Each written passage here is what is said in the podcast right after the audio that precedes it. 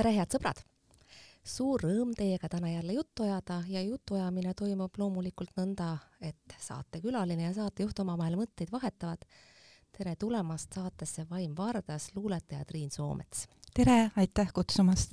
minu nimi on endiselt Vilja Kiisler, saade Vaim Vardas on eetris üks kord kuus ja see on tarkade inimeste saade, kus arutatakse ühiskondlikult tähtsate küsimuste üle. Ja minu hinnangul on ühiskondlikult tähtis küsimus kindlasti ka see, missugune on luule roll ühiskonnas, kuidas seda tajutakse ja mõtestatakse ning missugune on ilukirjanduslike teoste retseptsioon poliitiliselt ärevatel aegadel. Triin, sul ilmus kahekümnes raamat eelmise aasta lõpus, selle pealkiri on Pind ajajoone all. seda on juba arvustatud ka, kuid võib-olla laiemalt ja hõlmavamalt, kui oluline üldse on see, et arvustatakse, et märgatakse et kirjutatakse retsensioon näiteks mõnes ajakirjas või siis kultuurilehes? no vaata, kirjanik, tema töö on hästi üksildane ja see, raamat on siis tema töövili ja loomulikult on ülioluline, et seda märgataks. Ja eriti õnnega koos on kirjanik siis, kui keegi oskab seda teost mõtestada, paigutada konteksti, olgu siis aja konteksti või kirjaniku enda eelneva loomingu konteksti. et loomulikult see on ülioluline. kuidas sa oled ise rahul selle retseptsiooniga, mis sinu teostele on osaks saanud, see aeg, kus sa Eesti kirjanduses silma paistad, on juba päris pikk? ma arvan, et ma olen päris rahul, samas ma püüan üldse mitte mingit seisukohta võtta, see ei peaks tegelikult olema, olemagi minu asi, mina peaks suutma ajada oma asja hoolimata sellest, kas ja kui palju seda märgatakse, aga õnneks, õnneks on ikkagi märgatud, et see on paraku, paraku oluline, et sellest ma ei ole veel lahti saanud, et, et kui keegi ei märka, siis ise ja üksipäini pidada oma asja ajamist nii oluliseks, et seda samal tasemel siis jätkata. arusaadavasti on see inimlikult keeruline ma tahaksin selle retseptsiooni teema juurde jõuda tagasi eh, saate põhiosas hõlmavamalt ja võib-olla üldistavamalt, arutledes koos sinuga selle üle, missugune üldse võiks olla kultuuri kitsamalt ilukirjanduse roll ühiskonnas.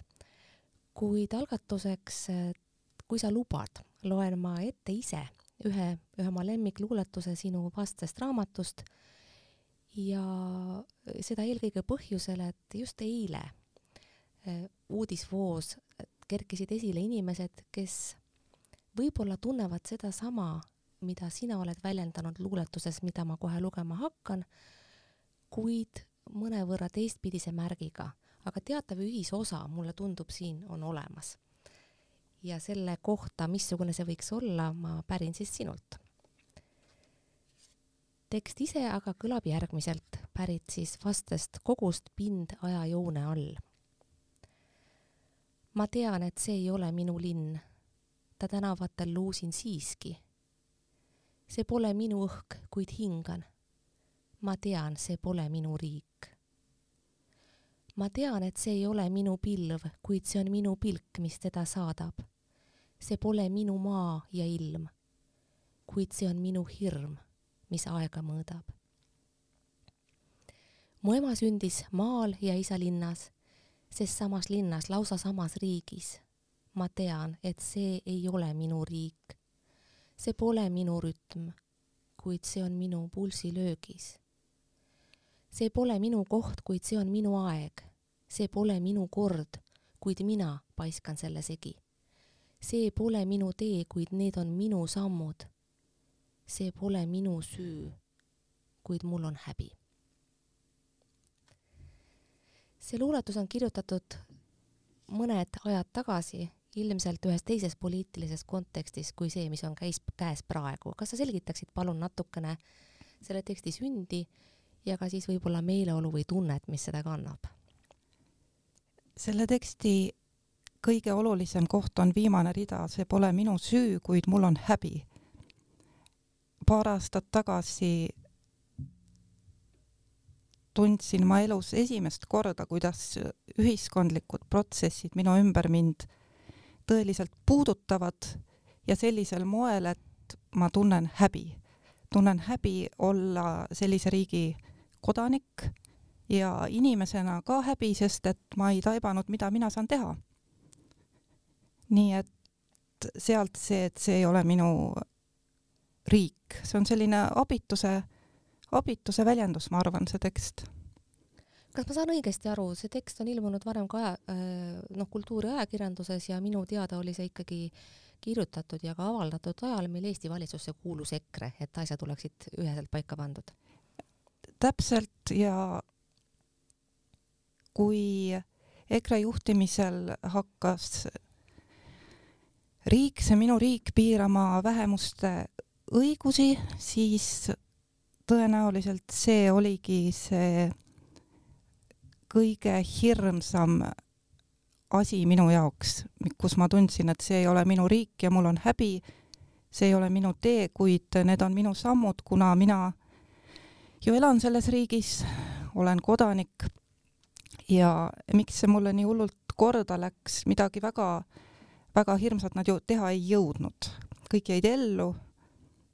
ma ei tea, kuidas selle rahastamisega oli, midagi ju kelleltki siiski suudeti juba ära võtta et miks see nii, nii hirmus on, on see, et minu meelest on suundi, milles ei peagi minema kuigi kaugele, aga mis suunas ei tohi teha mitte ühtegi sammu, isegi mitte poolt sammu, isegi ei tohi sin-, sinna suunas vaadata. sest need protsessid on tavaliselt, nagu ajalugu meile näitab, pöördumatud, siin ei tohi teha mingit allahindlust ja kui on mingeid selliseid samme mingis suunas, siis tuleb otsekohe, otsekohe no mida teha, mida saab teha üks, üks luuletaja? mida saab? no ta kirjutab selliseid valusaid tekste, avaldab neid. Mida veel? ma arvan, et on olukordi, kus luuletaja peab minema tänavale koos teistega. ja võib-olla kasutama oma oskusi sõnastada selleks, et näiteks pidada, pidada sütitavat kõnet. aga selleks näiteks minusugust peab viima tugevalt tasakaalust välja, aga see, mis EKRE juhtimisel paar aastat tagasi hakkas toimuma, oli peaaegu sealmaal minuga muide, tollel hetkel leidus tõepoolest ka kirjanikke ja teisigi loovisikuid, kes käisid näiteks Toompeal piketeerimas, sina nende hulka vist ei kuulunud? ühele meeleavaldusele mind kutsuti lugema, ma ei tea, kas täpselt seda luuletust, mul on selliseid poliitilisi luuletusi viis-kuus vist, mis ma jõudsin sel ajal kirjutada ja üks teine kirjanik kutsus, kes seal osales või kuulus selle korraldajate hulka, ma seda täpselt ei tea enam, ei mäleta. ja ma ei läinud. ma ütlesin, et ma ei taha oma loomingut nii palju politiseerida. aga siis ta küsis, et kas ta ise võib selle ette lugeda ja sellele ma ütlesin küll jaa nii et sinu tekst on, see viidatud tekst on tegelikult kõlanud poliitilisel meeleavaldusel, kuigi sa ise sellel ei osalenud. ma ei saa pead anda, et täpselt see tekst, aga üks, üks poliitiline tekst küll. üks neist? vähemalt, üks jah. neist. hästi, kuid praegu on valitsus teine, poliitiline olukord ka hoopis teistsugune, kuid on hulk rahulolematuid, kes piketeerivad äh, tänavatel, korraldavad meeleavaldusi ja kelle hinnangul on ühiskond endiselt täpselt sama lõhestunud kui siis, kui valitsus, kui ametis oli eelmine valitsus. ja noh, eile teatavasti lahvatasid need kired, mis on ju kogunenud ja ja, ja kuhjunud mitme aja jooksul taas väljaütlemistes, mis panid siis uuesti küsimuse alla selle, mis on minu riik ja üks neist, kes eile tähelepanu keskmesse sattus, väljendas väga selgesti ka seda, et see, milles meie praegu elame, ei ole tema riik. vastukajad tema väljaütlemist olid, olid erakordselt teravad ja ka otsustavad. ta jäi ilma ühest tribüünist, mida ta oli pikemat aega nautinud. kuid äh, mulle tundub, et äh, hoolimata väljaütlemiste ühemõttelisusest võib siiski nende inimeste rahulolematust, kes seda praegu väljendavad, mõista. kas, kas ka sina koged teatavat arusaamist nende inimeste suhtes, kes, kelle, kelle võib-olla veendumusi sa ei jaga, kuid sa mõistad, et rahulolematus võib olla, noh, me räägime siin ka vaktsiinivastastest, eks ole, ja kes on korraldanud meeleavaldusi, aga noh, need grupid on alles, kuivõrd sa neid mõistad, kui nemad ütlevad nüüd, et see ei ole nende riik? ma mõistan neid võib-olla üksnes mingisuguses väga üldises filosoofilises plaanis. inimestena ma neid kindlasti ei mõista. aga see tasand, milles ma neid mõistan, on võib-olla see, et mis asi on üldse minu riik, ükskõik millise inimese jaoks. et riik on iseenesest vägivalla struktuur. kuidas saab vägivalla struktuur olla minu oma? kui me nii mõtleme, siis võib-olla ainult mingisuguse ainuvalitseja jaoks. kõikide teiste jaoks on ta mingisugune ükskõik mil määral siis ikkagi rõhumisvahend, millele tuleb ennast allutada ja et võiks rahulolevalt öelda, et see on minu riik, siis peaks olema neid asju, millele selle riigi kodanik peab, peab alluma või mida arvesse võtma võimalikult vähe ja samas need teenused, mida riik osutab, need, neid võiks olla siis võimalikult palju ja need võiks olla inimestele hästi kättesaadavad ja tegema inimeste elu hästi mugavaks, nii et mis asi see minu riik on, et see on üldse ju ju küsimus. pigem on see võib-olla hoopis tunde küsimus ja need, kes seda praegu ei tunne, see on võib-olla, kindlasti on nende hulgas haritud intelligentseid inimesi, aga ma väidaks, vaadates sellist arutluste kirjapilti, et võib-olla natukene rohkem haridust ei tee kellelegi kurja. oleks, oleks ära hoidnud,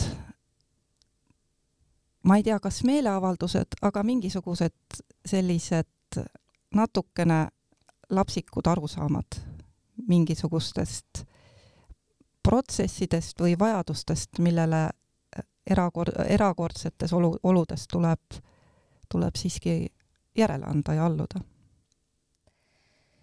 kui sa viisid juba jutu hariduse peale, siis ei saa ma ju mööda ka sellest, et sa ise otsustasid hiljaaegu uuesti kooli minna. Sinust sai uuesti üliõpilane, sa asusid omandama teist kõrgharidust. see järelikult pidi olema sinu elus hetk, mil sa tundsid, et sinu endine haridus ei ole piisav. kuida-, sul on juba üks kõrgharidus ju olemas miks sa õieti õppima läksid, kas tundsid, et sul endal jääb haridusest mingil viisil puudu?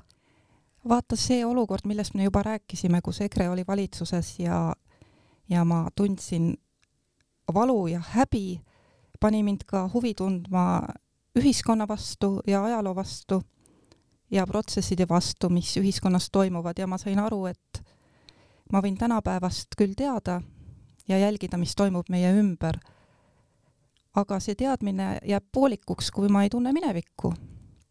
nii et kõigepealt ma läksin õppima üldse ajalugu ja praegusel hetkel ma olen filosoofia esimese kursuse üliõpilane ja kuulan ka lisaks veel paljud muud, eelkõige siis, siis ajalugu see on väga huvitav, sest äh, neid inimesi, kes elus teist korda õppima lähevad, ei ole just palju.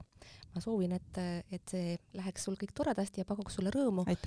enne kui me jõuame saate põhiteema juurde, tahaksin ma küsida veel ainult ühte seoses sellesama haridusega, nimelt seda, kas targem luuletaja on parem luuletaja?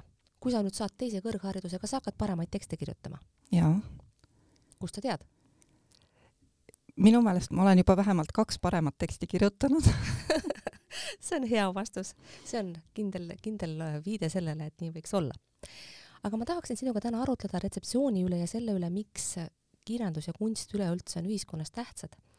ja võib-olla siis algatuseks põhiteema juurde jõudes eelkõige seda, et mis on õigupoolest see, mis teeb kunsti ja kirjanduse ühiskonnas oluliseks, sageli ma märkan ka meedias seda, et kultuuriküljed on kuskil tagapool, kultuurisaateid on vähevõitu, võiks väga kergesti jääda mulje, et kultuur, kunst, kirjandus ja kõik teised erinevad kunstižanrid ei ole midagi säärast, mis ühiskonda kuidagi põhimõtteliselt kannavad või siis seda mentaalselt toestavad. kuidas on lugu sinu hinnangul? kas mitte Voltaire ei kirjutanud oma filosoofilistes kirjades kellegi teise filosoofi kohta, et pole suurt vahet, mida me siin arutame. ma nüüd praegu, kuna mul ei ole täpsed arvud meeles, ma ütlen seda umbes, lihtsalt mis mõte tal oli et. et üheksakümmend protsenti inimestest meiesuguste olemasolust midagi ei tea ja midagi nad ei loe ja ülejäänud kümnest protsendist loeb meiesuguseid võib-olla üks protsent. ma arvan, et sa küsid, mis, kui, miks on kunst ja kirjandus ühiskonnas oluline ja kas on? jah.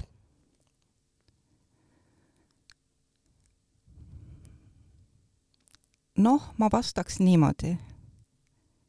paljudele inimestele on nad väga olulised. Ma mõtlen inimesi, kes neid ise ei loo, vaid kes vaatavad pilte, vaatavad kunsti käivad näitustel, loevad raamatuid ja oma elu selleta ette ei kujuta. Need inimesed on ühiskonnaliikmed.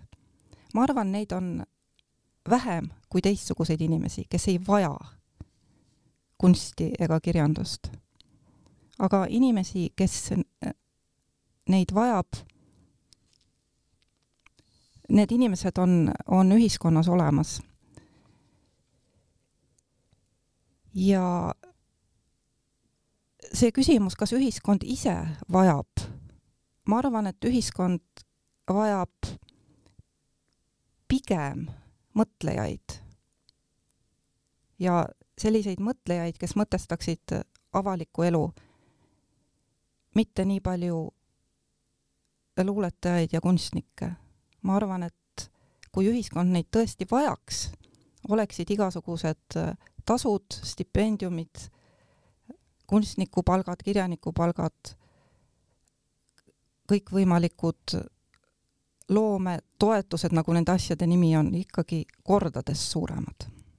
No see on täiesti omaette teema ja ma olen sinuga täiesti nõus selles, et kui see nii oleks, siis kahtlemata oleksid kõiksugu tasud suuremad, kuid iseenesest on toimunud ju ka edasiminek, kirjanikupalk ja kunstnikupalk on meil täitsa olemas pikki aastakümneid pidid ju Eesti loojad ilma selleta üldse läbi ajama. kuigi iseenesest kulkasüsteemi olemasolu on äh, ka omaette äh, suurepärane asi, arvestades võrdlust teiste riikidega.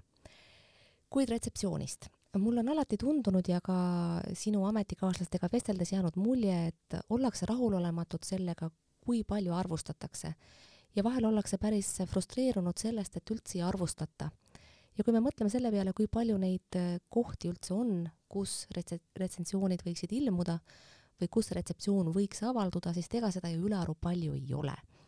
ja tihtilugu on ka nõnda, et äh, need loojad, kelle loomingu maht on juba väga suur, on võimalikule retsensendile äh, palju raskem pähkel kui näiteks debütant, kelle kohta arvustuse kirjutamiseks piisab ühe raamatu läbilugemisest, kuid näiteks sina, kahekümne raamatu autor, võiksid olla päris keeruline ülesanne, juhul kui inimene ei ole sinu loomingut pidevalt jälginud. ehk siis äh, mul on jäänud mulje, et debütante arvustatakse palju meelsamini ja vahel tuleb ette ka seda, et mõni alles esimese raamatuni jõudnud autor võib-olla iseenesest nii palju tähelepanu ei väärikski, kui näiteks mõne küpse autori ja viljaka autori no ma ei tea, viieteistkümnes või kahekümnes raamat. see on kõrvaltvaataja pilk. kas sulle tundub, et need asjad on nii või on nad hoopis teisiti? tähelepanu on mitmesugust, üks on see esikaane tähelepanu. ja siin me ju teame, kuidas, kuidas see toimib. et olla kaanepoiss või kaanetüdruk, sa pead olema piisavalt tuntud ja kuidas sa teistmoodi tuntuks saad, kui sa ei ole päris palju kordi olnud värviliselt suurte kaante peal, et see, siin on selline väike nõiaring inimesed tahavad näha seda, mis on neile juba tuttav, sest siis nad ostavad. teistsugune tähelepanu on igasugused uurimistööd, lõputööd, diplomitööd, et ma arvan, need kahekümnenda ja võib-olla kolmekümnenda raamatu autorid, keda õnnetuseks, kelle mõnda raamatut võib-olla ei osatagi enam arvustada, nad saavad ennast lohutada sellega, et kusagil istub keegi üliõpilane või keegi professor ja teeb uurimistööd, mis ei jõua kunagi kuhugi esikaanele, aga mis jääb võib-olla kuhugi arhiivi või heal juhul avaldatakse mingisuguses sellises ajakirjas, mida loevad vähesed, aga selle eest inimesed, kes seda asja tunnevad. ja lõpuks on alati lootus, et tõeline meis-, mõistmine ja ja asjatundlik retseptsioon saabub alles siis, kui autor enam ise elavate kirjas ei ole. aga see ei lohuta ju absoluutselt no ma ütlesingi seda pigem irooniliselt mm. -hmm. aga mulle tundub ka, et üks probleem sellise kultuuriretseptsioonis Eestis tema väiksuse tõttu seisneb ka selles, et meil on küll suurepäraseid loojaid, kuid publikut on vähevõitu. Ma ei suuda praegu peast tsiteerida, kus Tiit Ojasoo on sellele viidanud ja kindlasti on ka teisi loojaid, kes on sellekohaseid viiteid teinud, kuid mulle tundub see kehtivat.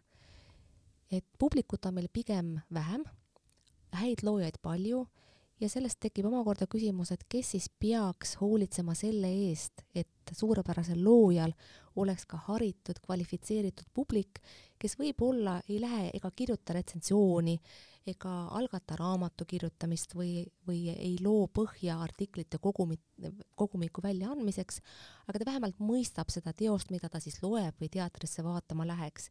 ja mulle tundub, et selles mõttes siin on teatav tühimik või ütleme, kui mitte tühimik, siis teatav eba, ebaproportsioon, disproportsioon siiski. Tõenäoliselt, ma arvan, publikut saab kasvatada.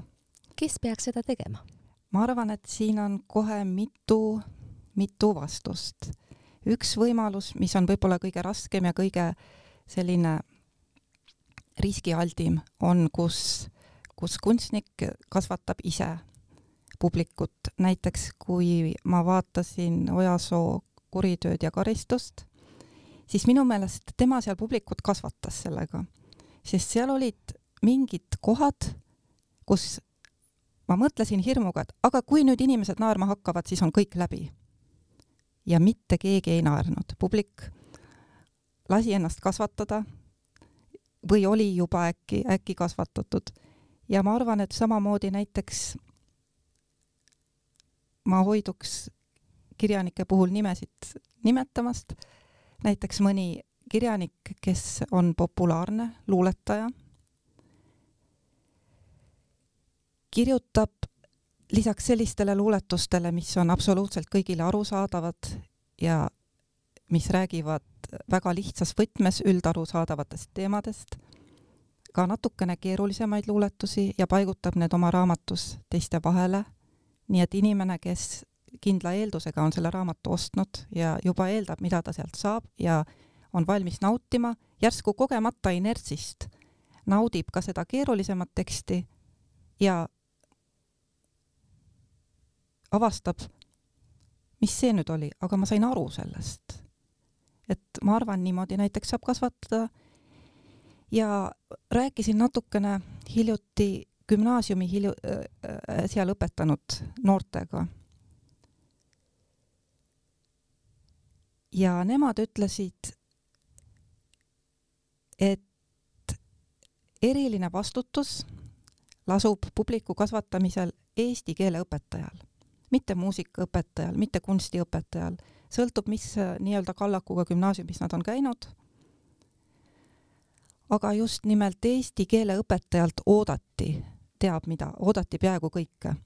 ja üks, üks noor ütles niimoodi, et meil oli väga hea eesti keele õpetaja ja juhtis meid hea kirjanduse juurde, õpetas, kuidas tekste paremini mõista.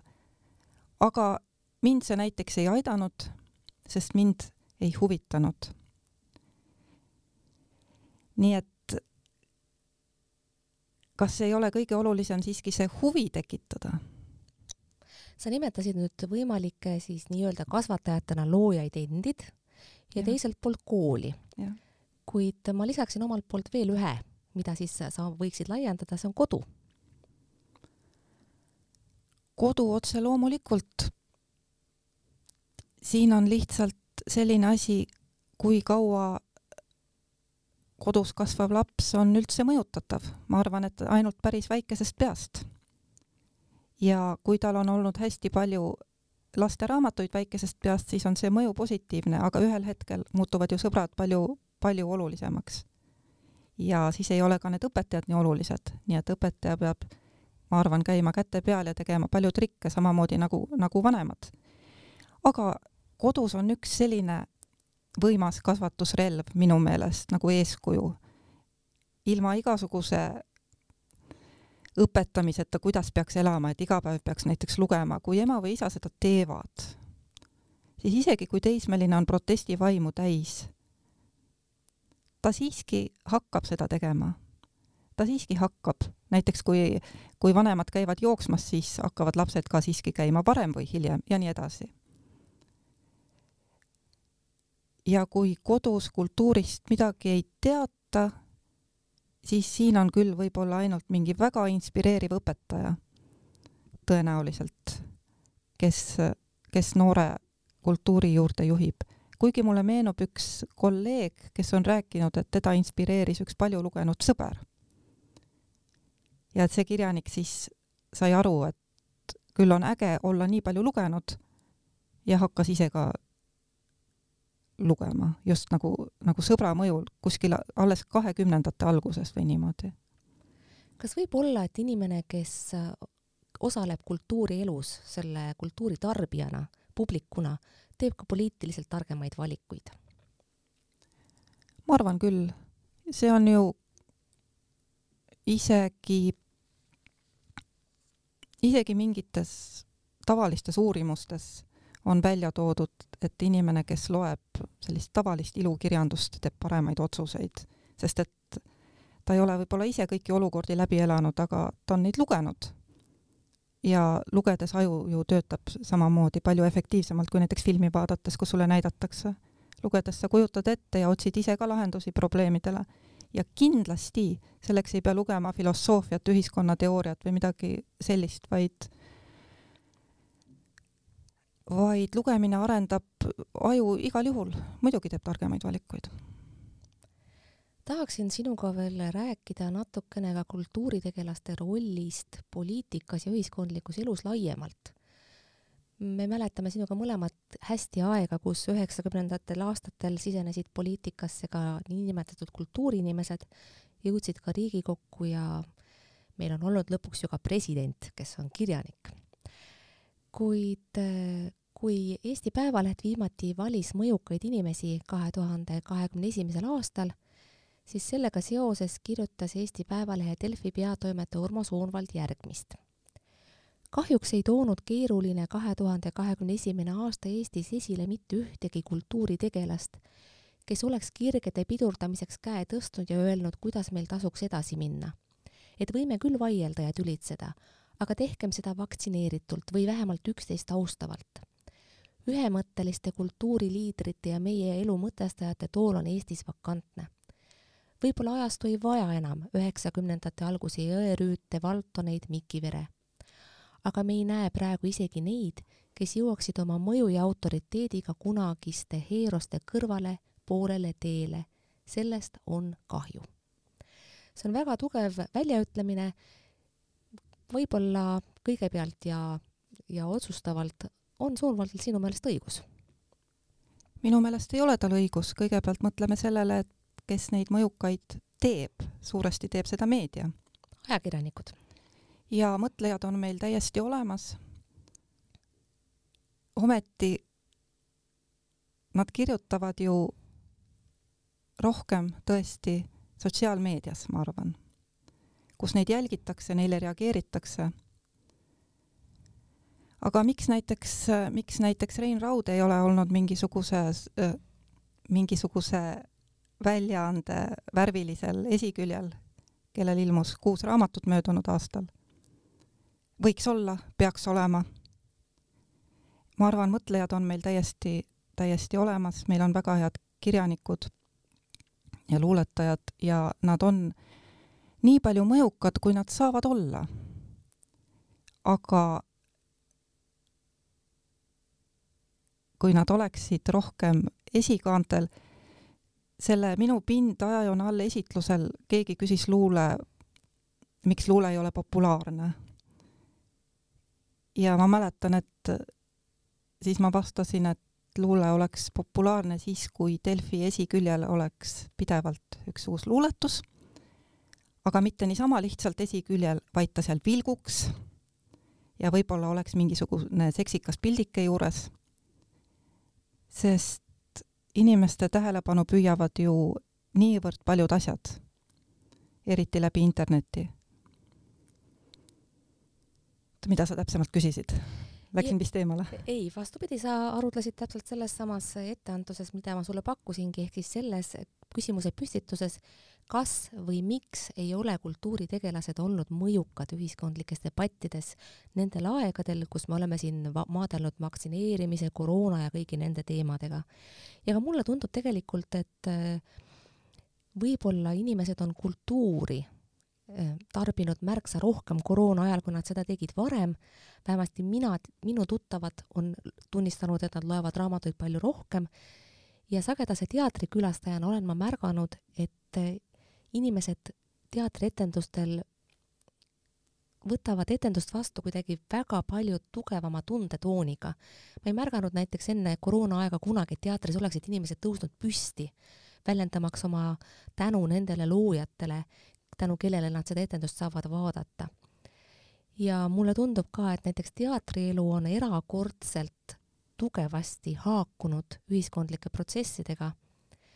Eesti teatris saab ju praegu vaadata näiteks nelja etendust, mis on siis teatavas äh, dialoogis nii-öelda natsiaja mõtete ja ideoloogiatega ja seda mitte sugugi juhuslikult, vaid peamiselt siis põhjusel, et meil on olnud lähiminevikus aeg, kus valitsusse kuulus üks partei, kellega neid teatavaid paralleele on saanud tõmmata.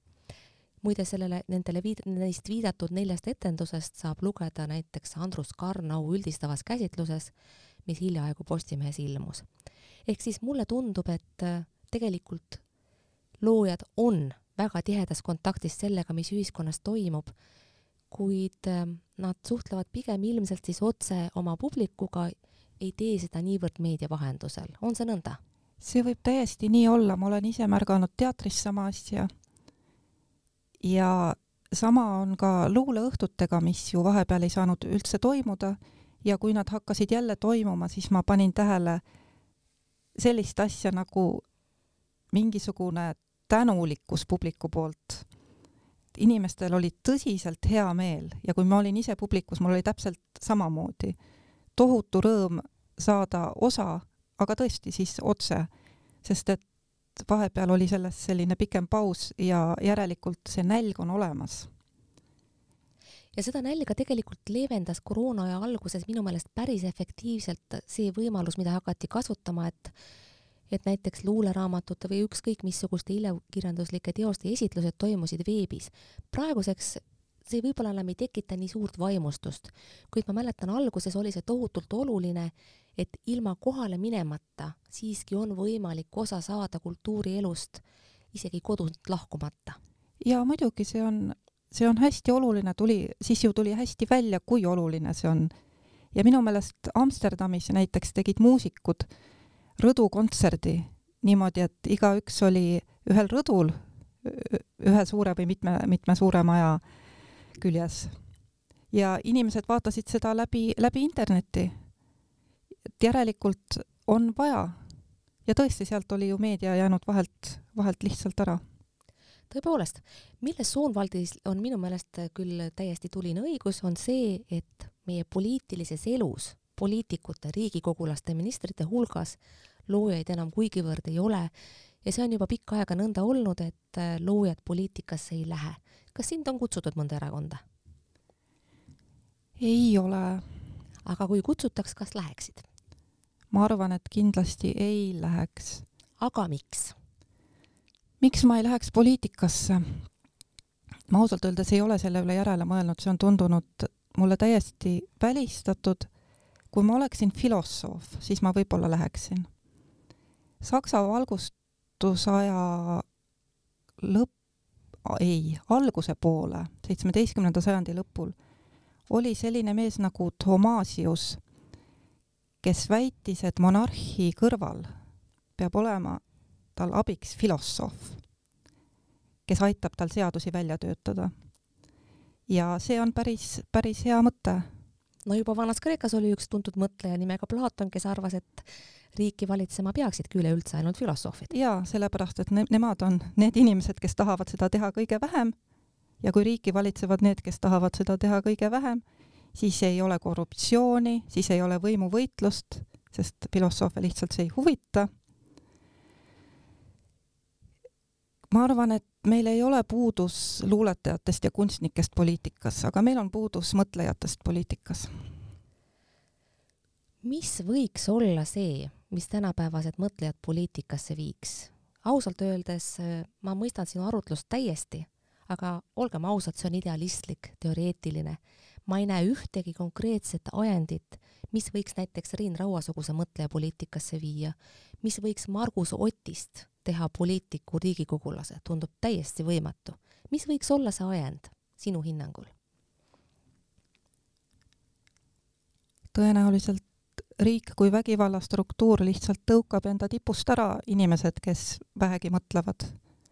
ma ei taha öelda, et praegused poliitikud ei mõtle vaid inimesed, kes mõtlevad filosoofiliselt, kelle aju on niimoodi ehitatud. Nad tõenäoliselt lihtsalt sinna ei sobi. ma arvan, et poliitikul on vaja ühte teatud tüüpi aju, missuguseid me ka praegu oma riigi juhtide seas päris palju näeme, ja nad ongi edukad ja loodetavasti toovad meie, meie riigi ka igasugusest jamast edukalt välja, ma loodan. aga filosoof sealjuures oleks ilmselt jah, kui hakata mõtlema niipidi, siis esiteks, ega ta seal kaua ei püsiks, talle oleksid paljud, paljud asjad täiesti vastukarva.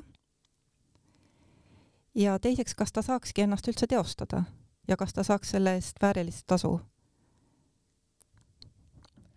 sina ise nüüd alusid, asusid filosoofiat õppima, kas võiks siis sellest näha teatavat ettevalmistust poliitikasse sisenemiseks?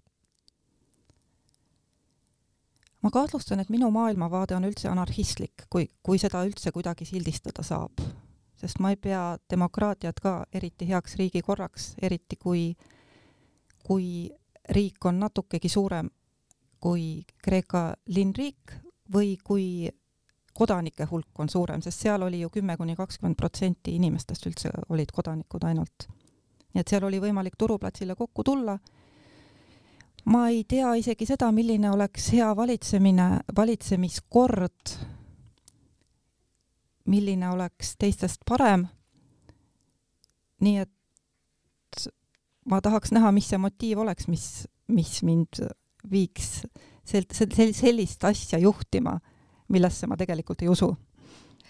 Triin, ma tänan sind südamest selle jutuajamise eest ja kui ma tohin paluda, siis kas sa oleksid ehk nõus lugema saate lõpetuseks ette minu lemmikluuletuse sinu vastest kogust oh.? ja sellel pealkirja ei ole, see on üks nendest sinu poliitilistest tekstidest, mis ilmus siis ka juba varem ajakirjanduses enne, kultuuriajakirjanduses, enne kui ta raamatusse jõudis ja on kirjutatud siis ajal, mil poliitiline reaalsus oli teistsugune, kui kuulus valitsusse see üks erakond, kes sindki valusalt puudutas. ole hea. üks rahvas emakeeles rääkis isamaast. ta valgust mustast meelest ja taevast kaevas maast. üks rahvas emakeeles. tont valvas põllu veeres lind laulis linnukeeles, lööb rahevilja maha, kratt teistrele viib raha, katk kargab tare taha. üks rahvas emakeeles riidu kiskus, lind nokka teritades tiibu tõstis, kratt linnas raha ise maha mängis. on pere põrandal ja loomad sängis. üks rahvas rääkis, rääkis Isamaast. Suur tänu selle jutuajamise ja teksti lugemise eest, Triin Soomets, Eesti luuletaja. minu nimi oli Vilja Kiitsler ja saate nimi oli Vaim Vardas. loodan, et edaspidi ja nüüd ja praegu ja edaspidi ikka ka on sängis ikka pere ja loomad jäävad põrandale, see on minu meelest väga võimas kujund, millega tänane saade siis ka oma lõpuni jõuab. Aitäh, head sõbrad, et te kuulasite, saade Vaim Vardas on uuesti eetris jälle kuu aja pärast või siis natukene vähema või natukene rohkem aja pärast, igatahes kord kuus võib selliste kohtumiste peale loota. aitäh, kuulmiseni ja nägemiseni!